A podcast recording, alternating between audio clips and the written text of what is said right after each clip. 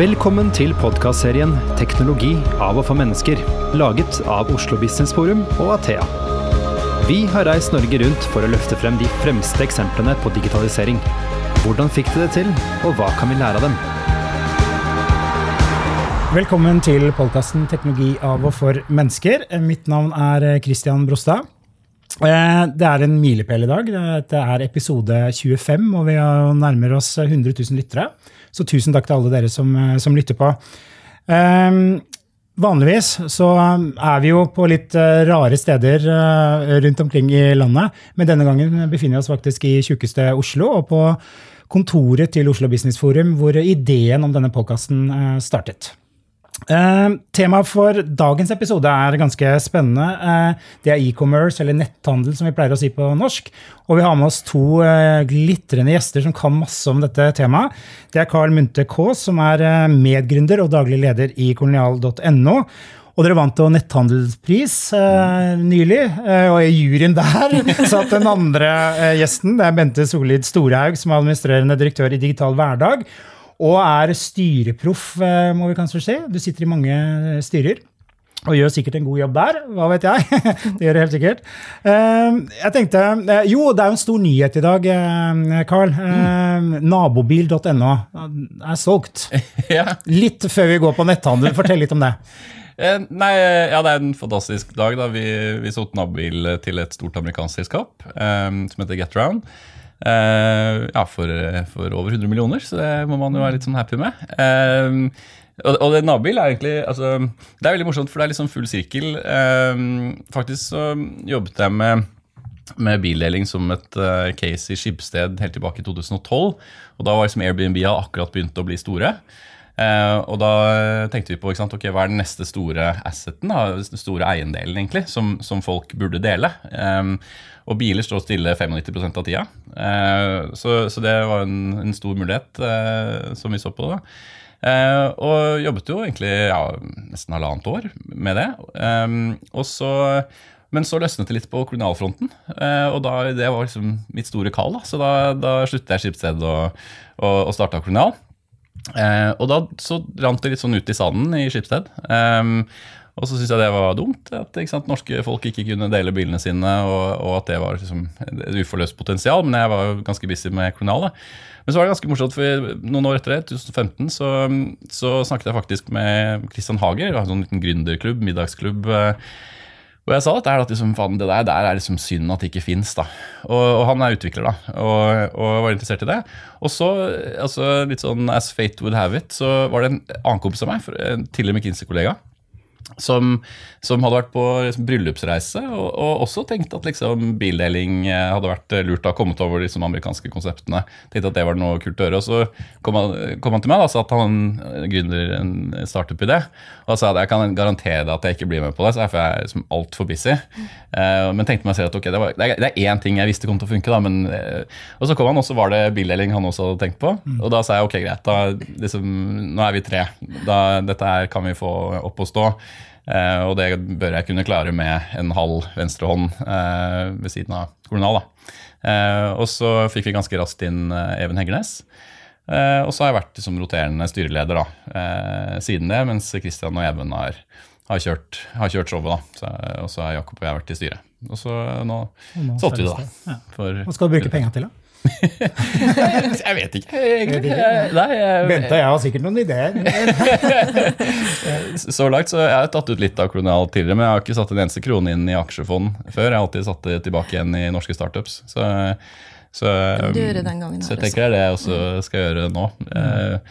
Mens, jeg, ja, mens, jeg, venter på det, så kan jeg kanskje, kanskje ja, motvillig sette det inn på et aksjefond i mellomtiden. Da. Men, men det blir en liten feiring i kveld? Ja, vi har feiret litt. da. Du har feiret allerede? Ja. ja men, uh, men uh, nyheten sprakk jo liksom i dag. Men det er jo er noen dager siden det skjedde. Ja. Uh, vi skal jo snakke om netthandel, og så er det jo Kolonial som du også har vært med og, og gründa. og så har jeg tenkt litt på i forberedelsen her at du har gått inn i en bransje Så jeg skal høre hvorfor akkurat denne bransjen. Da. Jeg skal liste opp. det er jo tre aktører som eier hele verdikjeden. Innkjøpsprisene er ikke særlig gunstige for nye aktører. Ehm, folk liker egentlig ikke å handle dagligvarer. Ehm, Og det er en uh, bransje med misfornøyde kunder. altså Det er mye rart rundt det. Og handlemønsteret er at vi, vi renner jo i butikken tre-fire ganger i uka.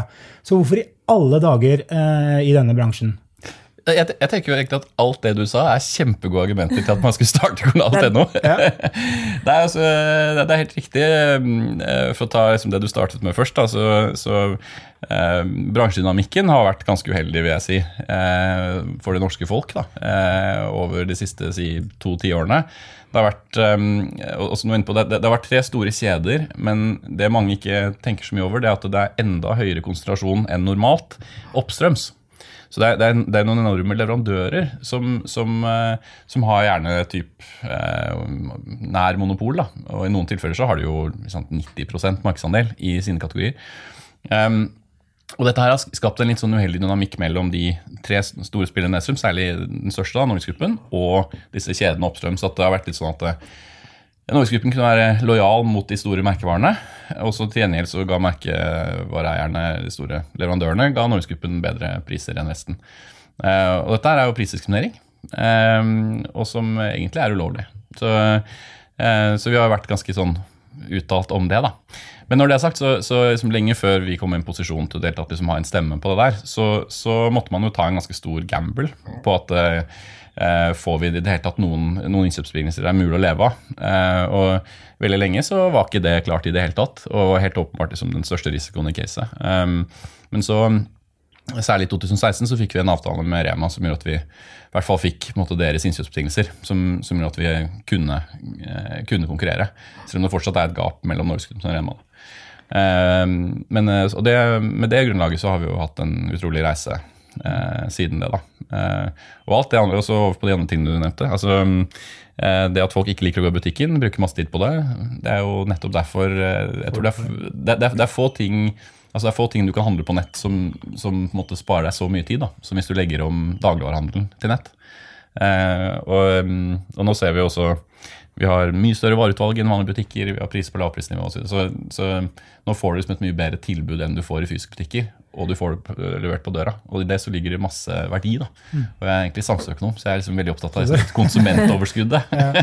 Eh, for det er, jo liksom, det er, jo egentlig det som er den største delen. Altså, som alle vet, så taper jo vi masse penger, så det er ikke produsentoverskuddet ennå. i hvert fall. Eh, mens, eh, mens, kundene får nå plutselig spart masse tid da, uten å betale noe mer for det. Mm. Ja, Bente, folk eh, er jo ikke vant til å kjøpe dagligvarer på nett. så det er jo en stor jobb som må gjøre seg for kolonial for ja, å få folk til å endre atferd? Det er eh, Altså, jeg pleier å si at vi har hatt internett i 25 år nå. Men, eh, og alle snakker om den raske utviklingen, men hvis man ser på hvor tregt det egentlig går å endre folks vaner, og det tror jeg Carl eh, vet, at det å få folk til å handle dagligvarer på nett, selv om det er enkelt, det er en, en lang prosess. Eh, og det som kanskje tar aller eh, mest eh, tid, det er jo å snu impulshandlingen til å begynne å planlegge mm. litt, på litt lengre sikt. For hvis jeg skal hjem til jentene mine i dag, og jeg vet at vi må spise noe før vi kaster oss i bilen til Gøteborg, så, så er ikke kolonial et alternativ. Da stikker jeg innom den fysiske butikken. Og jeg er jo, etter veldig mange år, eh, så tror jeg på en aktør som er både fysisk og online. Eh, og jeg tror på den sterke omnikanal-strategien. jeg tror det er de konseptene som på sikt kommer til å være sterkest i folks bevissthet. Mm. Det er jo veldig få som har lykkes med å selge dagligvarer på nett. Det er jo liksom ene til den andre. Legger jo ned og, og sånn. Eh, hvorfor lykkes, skal dere lykkes? Um, ja, jeg, jeg, jeg, tror det er liksom et, um, et, inntrykk som kanskje ikke er helt riktig. fordi altså, i de fleste land så er det noen vellykkede online-aktører. Mm. Um, Okado i Storbritannia har en markedsverdi på 110 milliarder kroner, f.eks. Um, du har aktører både Mathem i Sverige, nemlig .com i Danmark. Um, og det som, altså Okado er for så vidt lønnsomme, du har spillere i Sveits som er lønnsomme. Det du har rett i, er at de, de, de fleste er fortsatt ikke lønnsomme. Men, men, alle sammen har hatt fantastiske utviklinger for aksjonærene. Så det er jo sånn sett suksesshistorier. det som, det som har skjedd i Norge, er at du hadde et par litt sånn eh, eh, litt vel, altså, godt publiserte eh, konkurser. da. Eh, særlig Brødboksen, som, eh, som eh, var en, og marked.no. Eh, og så har du hatt noen andre mindre spillere. Men, men og de, de får på en måte mye oppmerksomhet i, i media, men, men vi har alltid utgjort liksom 80% av dette markedet. Og, og vi har hatt en utrolig utvikling. Um, og, og, og, sånn sett så er jo altså, Hvis du kan si at Kolonial.no er et suksesscase, da, så er egentlig dagligvare på nett er et suksesscase. Det er bare at det har vært noen som har feilet. Og så kan man spørre seg hvorfor lykkes vi og ikke det. De, det, det er mange, mange årsaker til. Men, men men eh, vi det er ikke noe, er, Jeg tror den diskusjonen om på en måte er dagligvare på nett liv laga. Um, nå kan ikke jeg liksom bare spre ut alle mine, mine tall her og nå, men, men, uh, men, det er ikke så veldig mye å diskutere, det. Uh, Dere har vokst ganske mye det siste året? Vi har vokst, uh, vi har vokst mye. milliarden, hvert fall? ja, nesten. Vi var nær å passere milliarden i fjor. Ja. Nå, var det, nå, var det, et år vi fokuserte først og fremst på operations, og fikk enorme løft på det. Eh, veldig mye bedre drift, mye bedre kvalitet. Um, og det var nok nødvendig for oss. Vi hadde hatt to år, to år bak oss med liksom ekstrem vekst. Eh, vi gikk jo fra 75 millioner til 800 millioner på to år. Altså det var til 2017. Og så, og så vokste vi da litt mindre i 2018, men fikk liksom rigget om operasjonen. Og nå er det full vekst igjen, da. Eh, men, eh, men, det mange, en del fikk med seg, kanskje, er at eh, Kinnevik, da, som er største eieren i Zalando bl.a., de jo, har gjort to investeringer siste året. To ganger 300 millioner. Og ja, Jeg tror ikke de hadde gjort det hvis ikke, hvis ikke man tenkte at det ville gå rundt på et tidspunkt. da. Fordi... Kolonial er jo prisgitt at de har langsiktige investorer som, som, tror på nett, og som kommer til å være utholdende uh, i, i, dette gamet. Uh, det er jo ingen tvil om at uh, dagligvarer migrerer også over mot mer og mer netthandel. Men jeg tror vi kommer til å være overraska over hvor lang tid det faktisk tar å bygge opp en, en stor netthandel i et land som, som Norge. Så når du sitter på den digitale siden, så, så, må du være klar over at det koster enormt mye å investere og bygge opp en sånn type virksomhet. På den andre siden, de som er store fysiske butikker, som sitter og vurderer når er tiden egentlig moden for at vi skal gå tungt inn i netthandel, de sitter jo fortsatt på gjerdet. De aller fleste av de. Og det har med lønnsomhetsbetraktninger å gjøre, det er avkastningsvurderinger. Eh, men det betyr jo ikke ja, Og kannibalisering.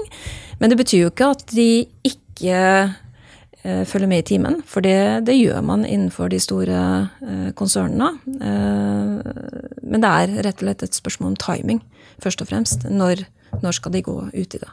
Mm.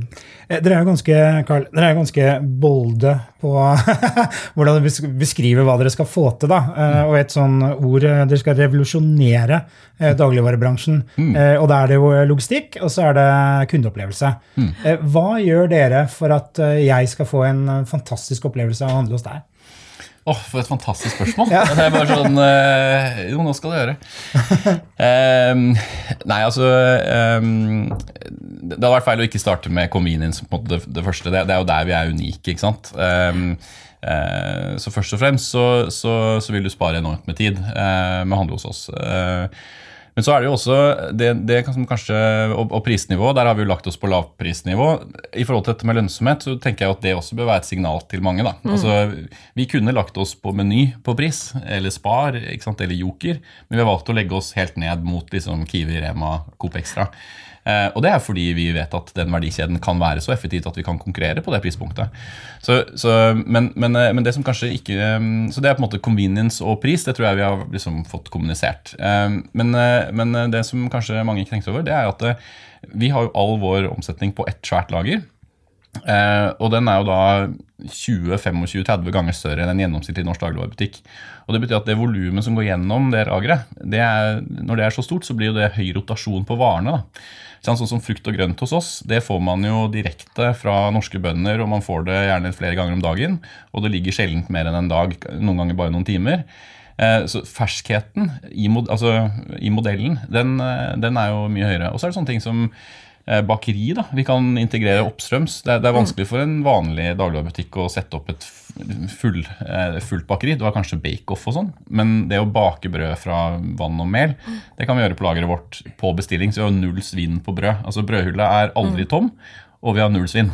Det er en umulighet i en, i en butikksetting. Så vi ser jo at altså, vi er desidert norgesmestere på svinn. Nå er vi godt under en halv prosent av omsetningen svinner vi. Det er liksom helt minimalt. Eh, og ferskheten er, er, er, veldig høy. Da. Så det, du vil jo få et mye bedre tilbud for penga, og i tillegg slippe å bruke tid på det. er jo liksom value proposition. Men jeg tenker det, det Carl sier om å legge seg eh, på Rema 1000-nivå på, på, pris eh, Jeg tenker at det Amazon har gjort med en global netthandel, det er jo å presse prisene lavest mulig ned og levere raskest mulig. På, på mange måter så, så når man ser netthandelen utenfra i dag, så er det på en måte på de to kriteriene veldig mange blir presset til å levere på. Og så er jo netthandel bør jo være større variasjon i aktører også innenfor netthandel. Det skal ikke bare være pris. Det skal ikke bare være rask levering, men det skal være kanskje produkter som, som eh, differensierer seg også fra det. Men jeg er veldig redd for at eh, når Amazon kommer rullende kraftigere inn i vårt marked også, så er det de to spillereglene som blir de to sterkeste kriteriene for å overleve i netthandel. Mm. Og eh, kolonial.no ligger jo altså det er dagligvare, men dere har jo utvidet si, porteføljen mm. Eh, litt med bare blomster, kattemat og hundemat. Ja, riktig, riktig. ja, ja. Eh, men er det liksom potensialet for at eh, For det er Amazon kommer på et eller annet tidspunkt, kanskje? Er det det dere ønsker å gjøre? For jeg tenker Har du distribusjonen og logistikken, så er det jo egentlig bare å hive inn masse andre varetyper, da? Absolutt. Nei, altså det, det, argumentet det gjelder jo både for kan du si, longtailen på dagligvare, men også andre varekategorier som du er inne på. da. Altså det at um, Vi kan ta varer som har relativt lav rotasjon, og likevel ta det inn i sortimentet. Um, Uh, og, men, men, når det gjelder andre vertikaler, så, så um, altså, jeg tror Vår kjernevirksomhet den, den, er ganske beskyttet fra Amazon, egentlig. Mm. Uh, det vil ta veldig veldig, veldig lang tid før altså, de, de, har jo rullet ut sin generelle e-commerce-satsing veldig veldig bredt, og bare noen få steder har de satsing på mat. Og det kommer de jo garantert ikke til å gjøre i Norge på lang tid. Men Frykter du at Amazon kommer til å jobbe sammen med noen av de andre dagligvarekjedene i, eh, i Norge? Jeg, jeg, tror ikke Norge blir det. Altså, de, de, kjøpte jo, de, kjøpte jo, Whole Foods i, i USA. Eh, og har liksom drevet litt integrasjon med dem, men ikke mm. veldig mye. Og det er et selskap som er egeneid mm. i deres kjernemarked. Eh, og det, der er de ikke sånn veldig integrert. Jeg, jeg, jeg, tror ikke de kommer til å gjøre det i Norge da. Og, og for være ærlig så, så, så, ser jeg ikke helt altså, eh, Ikke det at vi egentlig er ute etter det, men da hadde det gitt mer mening om de samarbeidet med oss. Altså mm. som en pure player. Men mm. Men jeg, jeg, jeg, tror, jeg tror det, det, som kommer til å skje, er at eh, Amazon kommer til å begynne å betjene Norge fra Sverige eller mm. fra kontinentet eh, på, på, de vanlige som Amazon-varene. Og, de, og, det går jo litt klar av oss, da. Eh, men i forhold til spørsmålet litt, kan vi For her er litt av poenget, sant? Hvis du driver vanlig e-commerce, så kan du ikke nødvendigvis så veldig rett gå inn i mat. Men hvis du driver dagligvare, så, så kan du, egentlig ganske enkelt gå inn i alt. Ja. Og selvfølgelig har vi sett det, mm. så jeg føler ikke at det liksom avslører noe banebrytende. Det har vært skrevet, tror Anette Melby skrev om det i Aftenposten i kronikk en gang som at det, selvsagt er det en mulighet. Og det er det jo. ikke sant? Og det er klart, eh, så, så, det er egentlig veldig veldig enkel grunnen til at vi tar inn blomster, grunnen til at vi tar inn dyremat, og også den dyrematen du kanskje ellers ville funnet i spesialforretninger, og grunnen til at vi også ser på gjerne toppselgere i andre kategorier. da. Det er jo fordi at det, er bra for kundene våre. Altså Hvis du handler fra kolonialt.no hver uke, så er det jo superdeilig eh, om du slipper et par andre her nå, og du gjør det med ett klikk. Eh, og selvsagt kostnadsmessig så har ikke vi noe har vi en ekstremt lav marginalkostnad å putte den ekstra varen i din handlekurv. Så jeg tror det er vinn-vinn for alle parter. Ja. Bente, hvis du skulle svart på ditt eget spørsmål? Som var? Som, Nei, om Amazon eh, vil gå inn i Norge og da samarbeide med en annen dagligvareaktør, hva tror du? Altså, jeg vil jo ikke forundre meg om, hvis Amazon skal tungt inn i Europa, eh, at de samarbeider med aktører som, som har fysisk eh, tilstedeværelse. Eh, når de kommer med sitt svære digitale økosystem. Jeg tror den største virkningen av at Amazon kommer til Skandinavia, eller Norge, Sverige. Det vil være en oppdragende effekt for alle som driver innenfor netthandel. Det kommer til å skjerpe kravene. Det kommer til å øke fokuset på, på, distribusjon, logistikk. Det kommer til å øke fokuset på innkjøpsbetingelser for å være konkurransedyktig. Og alt det her så jeg egentlig når jeg bodde i Frankrike. Eh, når Amazon kom inn i, i Frankrike, så, så, var det veldig oppdragende for alle andre som drev netthandel. Uh, enn så lenge så får vi være litt i fred. Uh, og det er en konkurransesituasjon mellom tradisjonelle kjeder og netthandelsaktører. Men jeg tenker at fremtiden er jo ikke enten netthandel eller fysiske butikker. Det er en, en, et konsept der du møter merkevaren din eller den du prefererer i begge disse verdenene. Så jeg har jo veldig stor tro på uh, fysiske kjeder også, som etablerer seg med sterke samarbeidskonstellasjoner inn i den digitale verdenen. Eller gjør strategiske oppkjøp. Mm. Den verdenen her, den er ikke eh, satt ennå. Den er eh, veldig i støpeskjeen. Og retail har bare så vidt begynt på sin distru disrupsjon. Langt bak mediebransjen, som jeg har jobbet med i mange mange år. Og jeg ser at kostnadsprogrammer, det å forberede seg på den digitale transformasjonen, det er noe vi ser er igangsatt nå eh, for ikke så veldig lenge siden. Mm. En av de tingene som Amazon eh, kanskje er kjent for, er at de er veldig flinke til å utnytte data. Mm. Kunstig intelligens, maskinlæring, alle de tingene der. Og der har jo dere, Carl, i hvert fall som jeg har sett, ansatt en del smarte hoder da, som skal jobbe med dette. Kunne du sagt litt om hvordan hva er det dere har på gang nå? Ja, Det skal jeg også, men så bare med en morsom kommentar definitivt Amazon er kjent for data. De er ikke kjent for å dele. Nei, det... jeg, bare, jeg, bare, nevner det. Så, altså, i, når de gjorde disse De kjøpte jo opp mm. uh, Whole Foods, ikke sant. Så, um, men um, uh, og, og for så vidt utover det, så så har jo e-commerce eh, vært et pure play for Amazon. Eh, da basically verdens største selskap. Og de har ikke før nå liksom sett tilsynelatende noe særlig behov for fysisk. Så jeg vet ikke helt hvorfor dagligvare skulle være veldig annerledes i forhold til den omni-channel pure play. da. Men dette er jeg programforpliktet til å si, for jeg er en pure, pure player. Ja. Eh, men, men, jeg, men, samtidig som jeg sier at liksom, av alle mulige konferanser som den er på, så snakkes det veldig mye om omnikanal. Og det er typisk fysiske kjeder som snakker om omnikanal. Jeg hører ikke, hører ikke så mange mange pure-playere som snakker om omnikanal. Ikke ennå. Kanskje. Jeg, jeg kanskje. Og, og, og, jeg vet at Alibaba sjekker ut ting og sånn, så, mm. så, så, jeg tror man skal være ydmyk for liksom, fremtiden. Men, men eh, fra, fra, et Pureplay-perspektiv så ser jeg ikke de helt store synergiene med fysiske butikker. Det må jeg bare være ærlig. Så om jeg så hadde eid en butikkjede, mm. så hadde jeg holdt de verdikjedene helt separate. Og så ser jeg at det er synergier på brand og sånn, mm. eh, som, som, kan være en greie. Men, men du, kan, du, kan du kan samtidig du kan gjøre 80% av innkjøpet ditt av daglig på, på, nett, og så gå til en annen butikk og gjøre suppleringen. Det, det må ikke være samme brand. Jeg, jeg, jeg, tror vi er helt fine med at, med at de fysiske kjedene kan beholde den biten Um, Men bakgrunnen for uh, at man tror på Omnikanal, det er at uh, jeg tror vi kommer til å like å gå i fysiske butikker i fremtiden det, også. Det er jeg enig ja. Og eh, jeg har barn, Vi har fem barn i alderen 9 til 21 år. Vi har to jenter på 13 og 16. Når lørdagen kommer og de får lommepenger, så, så, sier jeg jo ikke jeg kan vippse deg litt inn på kortet, så kan du gå i sofaen og sette deg med iPaden og netthandle litt. Eh, da vil de jentene i Bogstadveien de har lyst til å gå i fysiske butikker. De har lyst til å ha den opplevelsen. Eh, mm. Kanskje ikke dagligvarer på en måte er det du på en måte tenker på som en stor opplevelse. Eh, jeg slipper gjerne, jeg vil gjerne slippe å handle dagligvarer. Men det er mange andre butikkopplevelser som, som er mye mer berikende i fysisk butikk enn på nett. Men, men det, det, er jeg helt enig i. så Der må man skille mellom to ting. Altså, jeg sier jo ikke at eh, fysisk butikkhandel kommer til å dø helt ut. Jeg tror på en måte en generasjon eller to fra nå, så, så er majoriteten på nett. Men, men, eh, men, det vil ta som du sier, lang tid. Mm.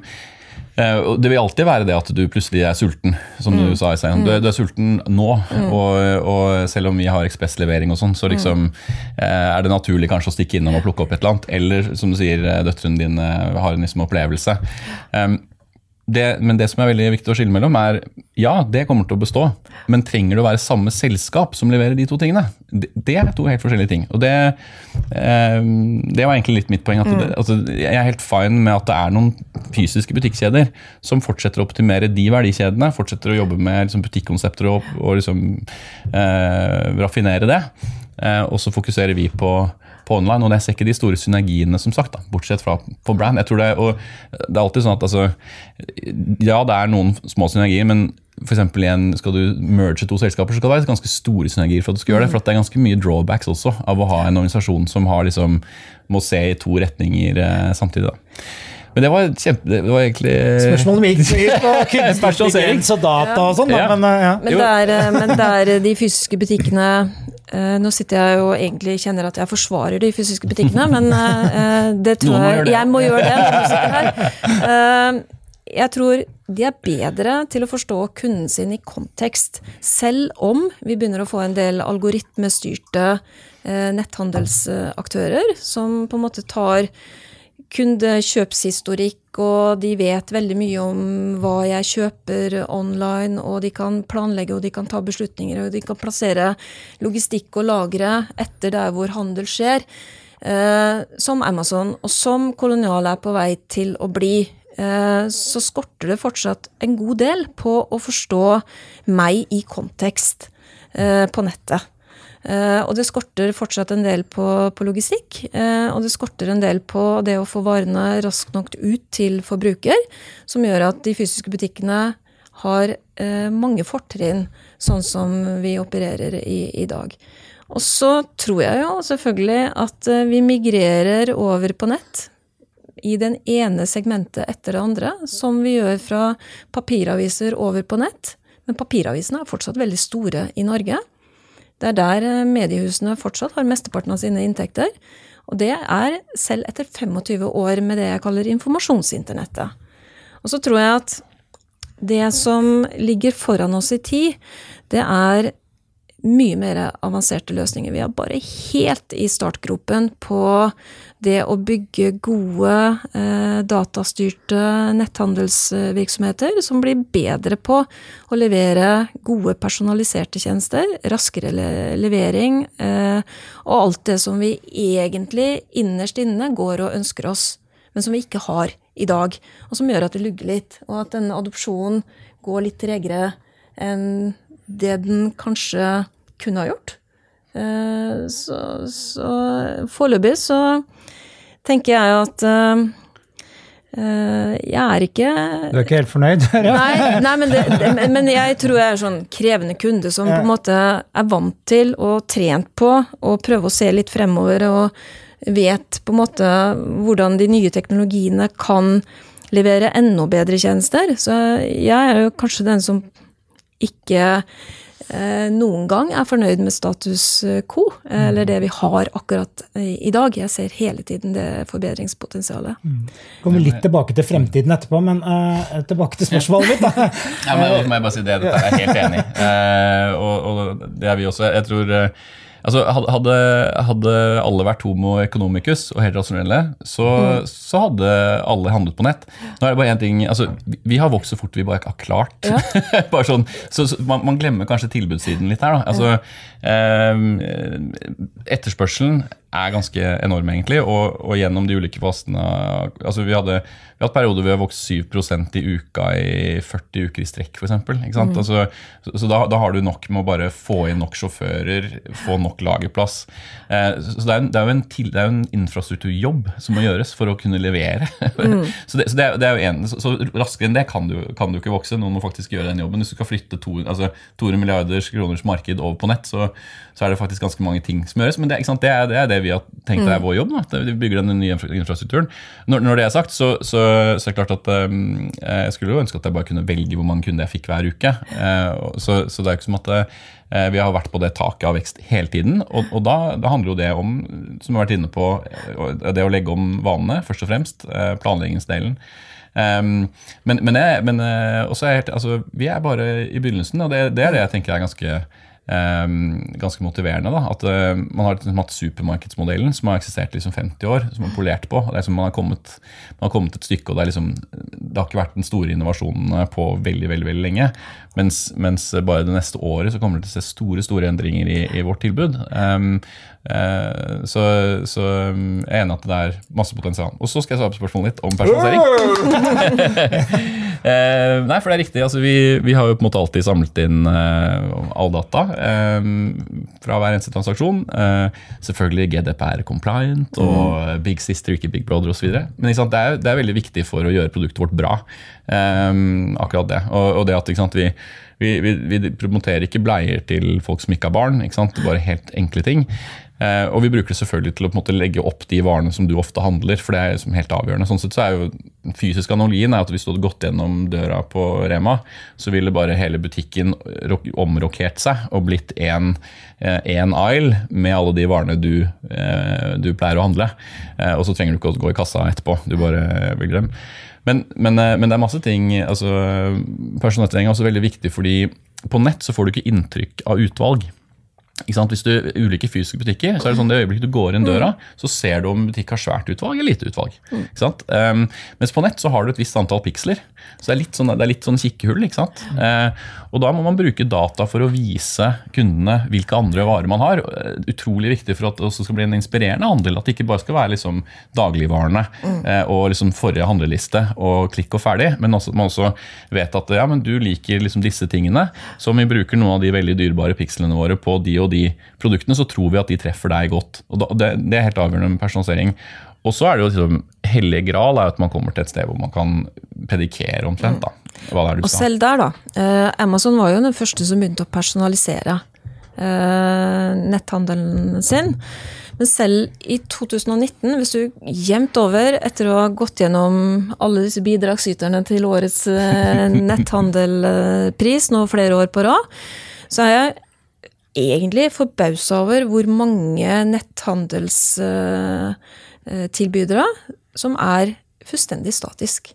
Mm. Altså, jeg forventer i, i, dag at noen av disse sitene, spesielt de største, hadde vært mye mer responsive. Eh, at de kjenner meg igjen når jeg kommer inn eh, den digitale døra. Eh, fordi det er mange teknologier som, som, gjør det mulig å si at ok, men der kommer Bente. Eh, hun er Nå er jeg ikke vegetarianer, men hadde jeg vært det, så er det ingen grunn til å by på kjøttdeig, kjøtt og kylling og alt det som jeg eh, ikke spiser. Da hadde jeg forventet egentlig at med dagens teknologi at den butikken hadde snudd seg mot meg, vært responsiv, og så bydd på det som var mine favoriserte varer. Mm. Men hvis du tenker hvilke nett, eh, fashionbutikker på nett som, som, ser at det er en kvinne som kommer tilbake til butikken, eller om det er en mann som kommer tilbake til butikken, er de færreste. Du møter en ganske statisk hjemmeside den dag i dag. Og det er inntrykket ditt generelt i Norge? Det er generelt uh, jevnt over. Uh, ikke bare i Norge, men uh, Zalando heller snur seg ikke mot meg og er responsiv, selv om jeg har handlet der flere ganger. Mm. Dere vant jo pris mm. i kategorien nettbutikk over 50 mil, eller noe sånt. Ja. Hva var begrunnelsen? Ja, hva var begrunnelsen da? Eh, for det første så er jo Kolonial i en klasse for seg selv når de bygger den plattformen eh, som Carl vokser ut av rommet, eh, og det andre er jo den strategiske tenkningen bak, som ikke veldig mange andre norske nettsteder Det finnes andre større aktører som, som, som tenker i samme baner som Kolonial, men det er klart at måten man jobber med å endre vaner, jeg tror det er det viktigste arbeidet for å lykkes med dagligvarer eller netthandel. Det er at vi må endre vaner. Fortsatt en dag i dag, i 2019, så, så er det et stort potensial for den som klarer å, å bygge tjenester som gjør at uh, plutselig så ser vi der kom det lille kneppet. Nå blir jeg en netthandler i stedet for å gå ut og eh, handle fysisk. Vi ser det på julegaver eh, fra år til år, at flere og flere tenker at det er mer lettvint å kjøpe på nett og få det levert hjem et par dager etterpå. Men du skal ha gjort denne opplevelsen, du skal ha hatt en god opplevelse for å kunne bli en gjentagende netthandler. Det samme er på, på, på dagligvarer. At Jeg tror for min del eh, så er det leveringstiden som må betraktelig ned. Fordi jeg er ikke en god planlegger. Jeg trenger ofte varene et par timer etter at jeg finner ut at jeg skal eh, stå på kjøkkenet. Et sånn uttrykk for bruk av data som jeg øh, Dere har en sånn middagsvelger eller noe sånt, som foreslår middagsretter basert på historikk. Er det sånn det fungerer? Ja, og preferanser. Du kan egentlig Ja. velge litt hvor mye tid du har lyst til å bruke for å komme i gang. Men uh, Hvordan du- uh, har mottakelsen vært av da? Nei, det er veldig bra. Altså, eh, en stor stor andel av våre ordre inneholder oppskrifter. Eh, og hvis, altså det, er- det er så må jeg bare si Bring Loads pris sitter veldig høyt, så vi er veldig, må si takk da, eh, Ja, ja, til, til Bente for, for den anerkjennelsen. Men eh, Stor enighet i juryen. ja, så hyggelig. Så det, Men, eh, men nei, så, så, så men det vi ser da, i, i bruk, er det at det jo i større grad altså jo, jo mer kundene bruker disse funksjonalitetene, om det er at de legger inn lister, at de bruker oppskriftsvelgeren, de velger oppskrifter altså De tingene korrelerer veldig veldig høyt med, med lojalitet. Så det er noe med at det, og det, og det men det er noe vi ser at man må på en måte lære seg litt å bruke kommunal.no, eh, og, og bruke de verktøyene som ligger der. Sette på reminder, for eksempel. Fordi det, det, er, det helt riktig, glemme det er liksom det største problemet.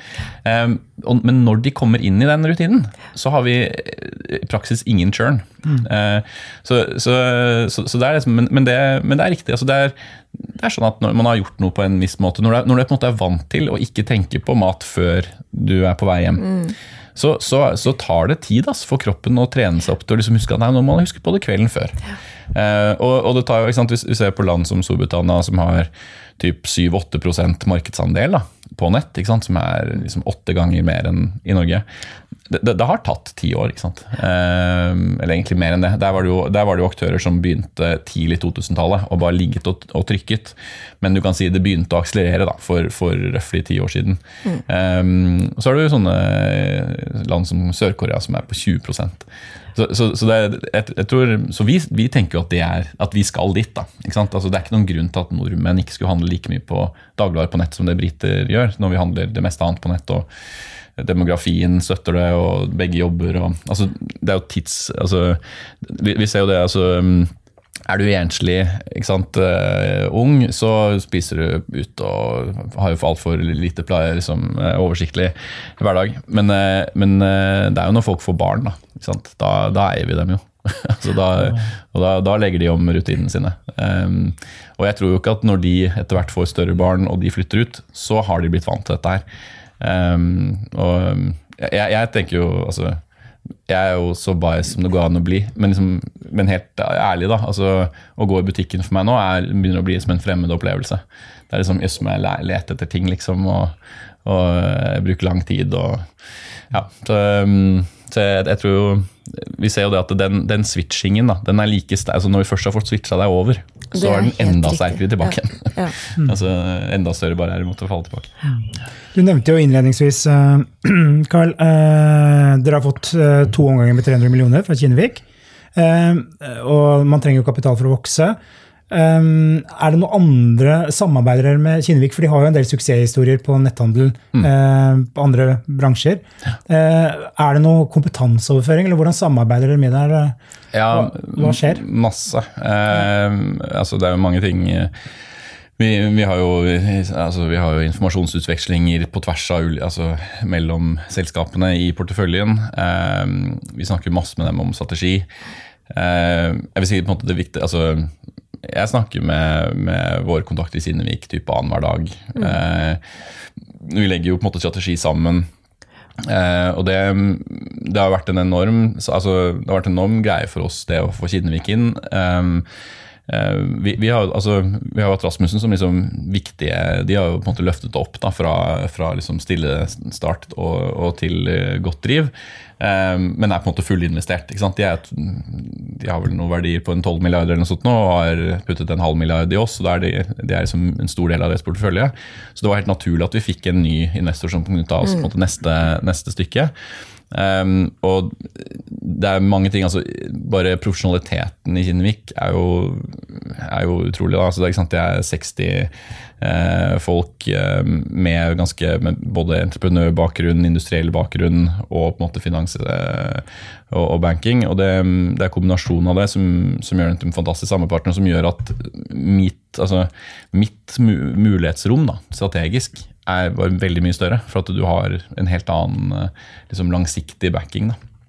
Eh, så, så ja, nei, både helt sånn konkrete ting som hvordan optimere marketing-spend, liksom, mm. til uh, hvordan skal vi vokse videre og hva er liksom, strategien. Um, begge deler har det vært superbra på. Mm. Ja, for det, Innovasjonstalen 2019 med Innovasjon Norge, så var du jo på scenen nå, Karl. Hørte deg, deg fra salen. Uh, og det er jo et stort problem, Bente, for, kanskje for uh, eh, oppstartfasen, og så skal du vokse. Mm. Eh, og kapital, kompetent kapital osv. Hvordan er det i Norge, egentlig? Er bare kolonial veldig heldig? Ja, de er definitivt veldig heldige eh, som har fått de eierne de har i, i dag. Eh, fordi jeg tror det er eiere som evner å løfte, eh, og som har eh, såpass mye innsikt at de vet at dette kommer til å bli et eh, langt uh, lerret å bleke. Uh, men uh, jeg er ikke i tvil om at de vil lykkes med, med, de planene de har.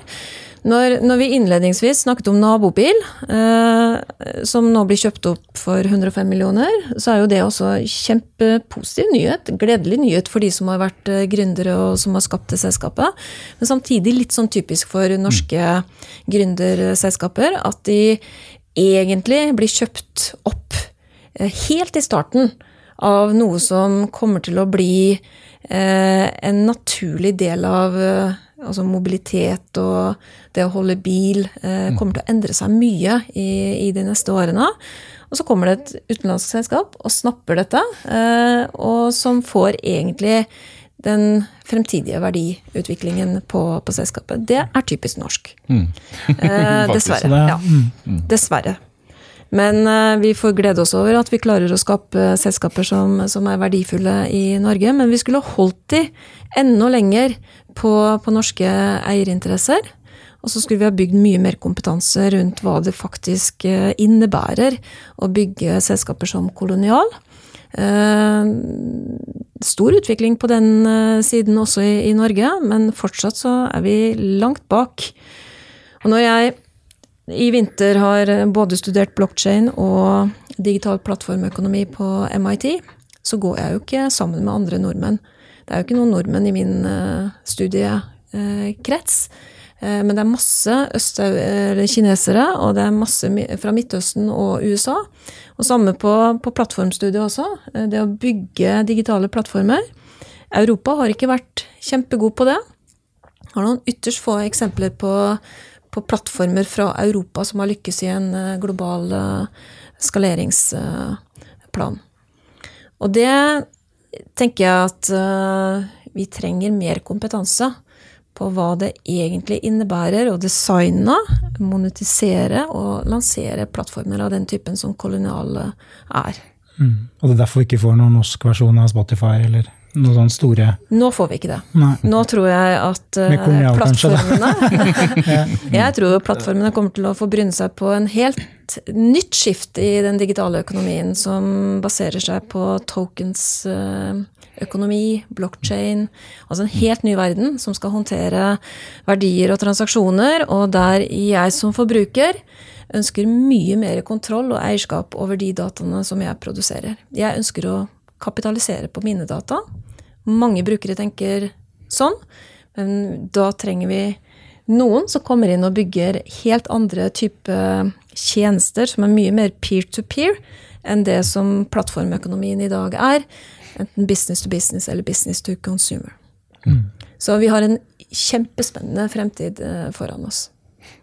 Det er på langt nær, liksom kortene er ikke delt ut. Eh, det er ingen digitale seire som er vunnet for evig og alltid. Nå får vi et nytt skift som gjør at noen forstår det. Og det er en stor risiko for at eh, plattformeierne forstår dette og bare blir enda sterkere. Men det er en mulighet nå til å utfordre og skape noe som baserer seg på en helt annen type tenkning. Dette, eh, ja, dette her Det er spennende. Ja, ja, det er spennende. Men jeg, bare en refleksjon på dette her, og jeg er helt enig. Altså, det er jo nabobil som er det typisk norske case, og Kolonial Ja. som er det utypiske, egentlig. Um, jeg tror vi hadde sånn sett også ganske flaks, kan du si, da, i, i, den, i den kapitalmengden vi klarte å reise i Norge, fordi det var et relativt lettfattelig prosjekt. ikke sant? Altså Nesten alle kunne relatere seg til det. De fleste investorene var kunder ikke sant? Og, og tenkte at liksom, ikke kundesiden er bra. Og så, og så er det relativt straight forward businessmodell. ikke sant? Du, du selger varer og prøver å gjøre det så heftig som mulig. Um, så det fikk man jo på en måte norske investorer eh, med på. Um, men ja, vi har jo tatt inn mange hundre millioner i Norge, og det, det tror jeg vel omtrent vi er de eneste som har gjort det. Det er andre store selskaper som har tatt inn mye penger, men, men vi, vi har tatt inn jeg tror, mest de siste par-tre årene. Um, men det er, men sant, igjen, det er liksom en industrielt case. Med, med nabobil så er, det, så er det flere ting som er interessant med det, egentlig sånn i, i, forhold til verdiskaping eh, mer generelt. Da. Det ene er jo jeg er forstått at det var jo faktisk et intraprenør-case først, um, i Skipsted. Og, og um, jeg, jeg, altså hadde, hadde Skipsted gitt gass på dette her i 2012, så ville de dominert bildeling. Altså de hadde, de hadde et apparat allerede som, som gikk ut på å spre blokket-teknologi, eller altså bare classifieds, torget, liksom, ehm, til, til nye land. Det er jo det som Skipsted gjorde virkelig bra. Eh, sendte ut Skipsted-trainees med litt kode, og så er det tre- stykker, liksom, og så lag, lag dette her i Frankrike, f.eks. Og så ble det kjempesvært. Um, og det er jo akkurat det samme de kunne gjort med et bildelingscase. Um, og så, og så tror Jeg altså jeg sluttet jo for å starte Kolonial og, og var ikke der når det på en måte ble lagt ned. Men, men jeg har gjort meg noen refleksjoner om at sant, det, er, det er veldig sårbart. da. Eh, altså Sånne Explore-prosjekter som dette her var. sant, Explore, altså en, en ny ting. Det er litt på siden av kjernen, men samtidig ganske adjacent. da. Um, men de er sårbare, fordi det er alt som skal til, er liksom en eller annen utsidetrussel eller et eller annet sånt nå, Så er det liksom det første som, som blir kastet ut med, med badevannet. Og, og jeg, jeg, så det, Man snakker jo ofte om de store tapene et selskap har gjort fordi de gjorde en feilinvestering. Telenor i India eller noe sånt noe. Det, det snakker man mye om. Man snakker jo veldig lite om missed opportunity. Og når man ser på Getaround nå, som er verdt over en milliard dollar, eh, som på en måte har vokst sakte, men sikkert som en liten startup, sett opp mot hva Skipsted kunne gjort i 2012 med sitt apparat, så tror jeg man kunne si at Skipsted hadde hatt en, liksom en betydelig del av børsverdien sin knytta til bileng, hadde de gitt full pinne på det. Eh, så det er, det, det er bare verdt å liksom, note. da. Og så er jeg helt enig, når vi da etterpå mot startet det, så var jo det mer sånn dette er for dumt, liksom penger på bakken, liksom, noen må bare plukke det opp. Um, men, men helt riktig, altså Problemet er bare at det- altså flere ting, men kapitaltilgangen den har vært liksom mer eh, sporadisk, kan man si. Det har vært business angels, basically. Even har jo snakket med investorer, men det har liksom har ikke fått noe liksom, juices flowing, tydeligvis. da. Og så, ser man også en annen interessant faktor. at nå, nå altså, jeg vet ikke hvor presis man har vært, det er ikke jeg som har sittet på liksom, kommunikasjonen, men nabobil eh, har en jeg kan si at nabobil i det salget hadde en veldig mye lavere salgsmultippel på prisingen. altså eh, x ganger liksom, omsetningen ikke sant? Eh, som, som verdi, enn det Getround hadde. Altså, Get, Getround er jo et selskap verdt godt over en milliard dollar, altså 100 ganger mer enn nabobil. De har ikke i nærheten av 100 ganger så mye omsetning. Altså med en faktor på mye. Så, så, så det er klart at når, ikke sant, når, når disse selskapene klarer å få sånn sett veldig mye rimeligere kapital da, i Silicon Valley eksempel, eller gjennom liksom, nettverk eh, som dessverre vi ikke har ennå, em, så, så blir det til at da, da blir nabobil veldig mye mer verdt for Getaround enn det er verdt for norske investorer. Og da, da, da blir det salg. Altså, det, er på en måte, det er egentlig en forpliktelse til og med for styret. Altså, vi har en, vi har en eh, fiduciary duty vi faktisk til å på en måte maksimere den aksjonærverdien. Um, og så tror jeg jo samtidig at nå, nå, nå, man skal glemme at nå er det jo 105 millioner som kommer inn til norske investorer, så får man jo håpe at vi reinvesterer det. Og så tror jeg også at nabobil som produkt for det norske folk blir veldig mye bedre. Så, så jeg tror på en måte verdien for Norge gikk opp av at nabobil ble solgt til Getaround, men i, annet, i et parallelt univers, hvor på en måte Norge hvor vi hadde hatt samme kapitaltilgang her, så kunne nabobil helt åpenbart vært en mye større contender internasjonalt. Um, så det, men sånn er i, i, den bransjen som i mange andre bransjer, så er det to måter å se fremtiden på. Det er det konservative blikket på, på bil og mobilitet og adopsjon av nye løsninger eh, å forflytte seg på. Eh, og så er det de som ser mulighetene. Eh, og da vil de som er tradisjonelle aktører, støtte seg på at eh, dette kommer ikke til å skje veldig fort. Vi kommer ikke til å få selvkjørende biler på veiene i Norge før om 30 år. Det, det, er det mange i bransjen som, som, mener. Andre vil si at ok, men dette kommer til å gå mye raskere. Fordi bilene allerede i dag kan kjøre opp til en viss eh, grad eh, autonomt. Og så er det noe regulatorisk som, som, må på plass, og det kommer til å skje lenge før 30 år. Men jeg tenker det som ofte Ofte, i hvert fall de bransjene som ser at endringer er på vei, det er en viss form for disrupsjon eh, Jeg syns vi har for mange som hegner om sin gamle business. Uh, uten å ville tørre å tenke at kanskje vi skal være med på å disrupte selv, i stedet for at det kommer helt nye aktører inn og gjør det. Uh, og bildeling nå med amerikanske eier kommer til å være mye mer aggressiv. Kommer til å satse mye mer penger på å få det til å bli et konsept som vi adopterer raskere. kanskje har en tenkning bak det som gjør at den også skalerer eh, raskere enn det nabobil eh, har gjort de, de første årene. Jeg må bare skyte inn her at vi Eh, nabobil Oslo det er, ingen, det er ikke mange som vet, men eh, Oslo har verdens høyeste tetthet av delte biler.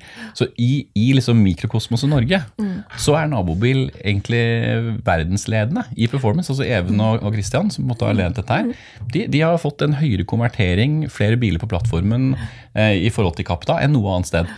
Så, men, men, det som, men, det er klart, men på tross av, så, så Det er jo derfor GetRound syntes dette var spennende. Men så har du helt rett i at GetRound sitter for med teknologi som de har kunnet investere i sentralt med patenter osv. Med hardware som, som, gjør bilene connected. da. Mm. Eh, Nabil var første som hadde connected biler i Norge. Mm. Det er på en måte en, en første generasjons connected biler, men det betyr at du slipper å dele nøkkel. Um, mens GetRound har, har, på en måte perfeksjonert det, og har jo ikke minst mye mye større, uh, mye mer midler til å rulle det ut mye mer aggressivt.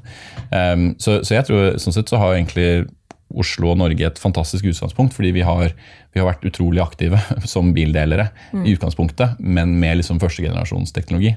Uh, jeg tror når man etter hvert injiserer uh, annengenerasjonsteknologi inn der, så, så vil vi se at det går kraftig opp. da.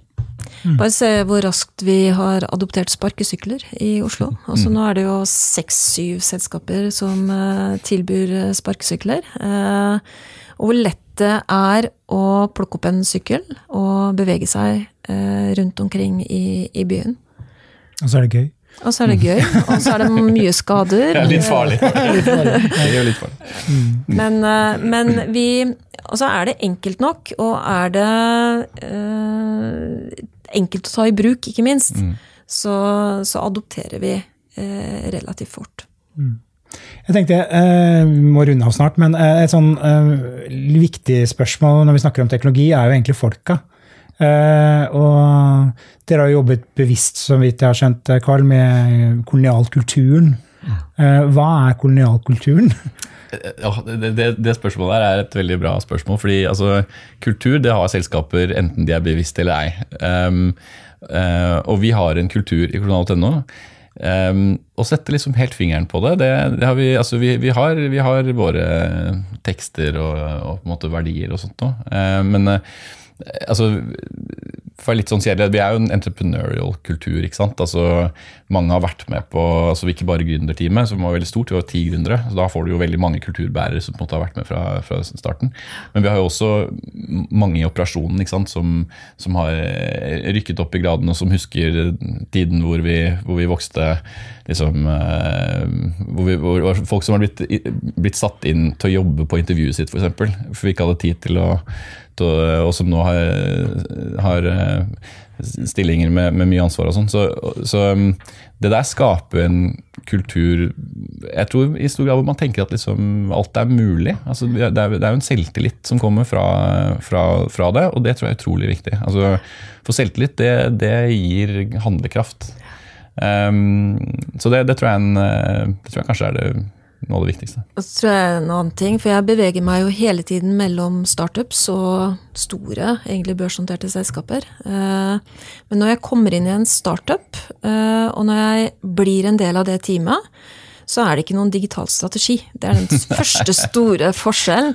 Eh, man har en eh, tanke om at man skal utnytte de mulighetene som ligger i nye teknologier. Man har en startup utprega entreprenørkultur, eh, som betyr at man er villig til å legge inn alt av eh, ideer og handlekraft og arbeidskapasitet for å lykkes. Og så tror jeg det er eh, det som skiller eh, startups og entreprenørvirksomheter fra de tradisjonelle, det er at eh, man har mye sterkere evne til å operasjonalisere på det digitale. Mm. Eh, Det er ikke noe Og det er en mye, mye større grad av trygghet i forhold til å jobbe eh, digitalt. Og det er som sagt ingen digital strategi. Det er én strategi, og den er utprega digital. Og så vet man hvilke teknologier man skal jobbe med. Eh, Man evner å se eh, hvilke teknologier som er transformative, hvem som på en måte blir viktig for min bransje. Og så vil jeg si at eh, innsikten og kundeforståelsen er mye sterkere ofte i startups enn i de tradisjonelle virksomhetene.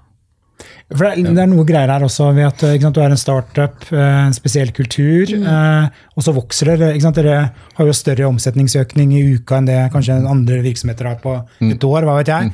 Eh, og du ansetter flere folk. Hva gjør det med kulturen? Eller hvordan kan du beholde det som er godt i en gründerkultur da, i et større selskap? Ja, det, ja, det, det er et kjempegodt spørsmål, og det, det, diskuterer vi ofte. Um, og det er, ikke, det er ikke lett heller. Altså vi, nå har jo vi, altså vi har en veldig stor liksom, operasjonell muskel. ikke sant? Og den, der er det jo sant, masse plukkere, restockere, sjåfører osv.